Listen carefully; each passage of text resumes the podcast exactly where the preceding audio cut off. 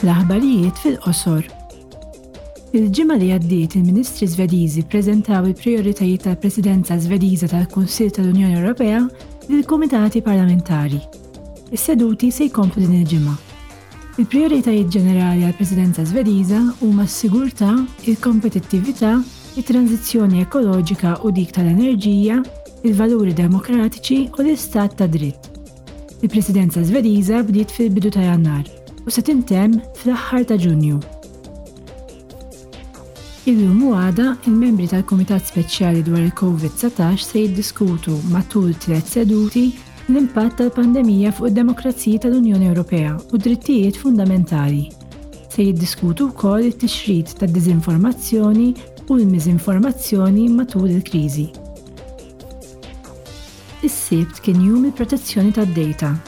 Dan il-jum ifakkar l-anniversarju tal-Konvenzjoni 108 tal-Kunsill tal-Ewropa dwar il-protezzjoni ta' informazzjoni personali. Din kienet l-ewwel liġi internazzjonali legalment vinkolanti fil-qasam tal-protezzjoni tad-dejta.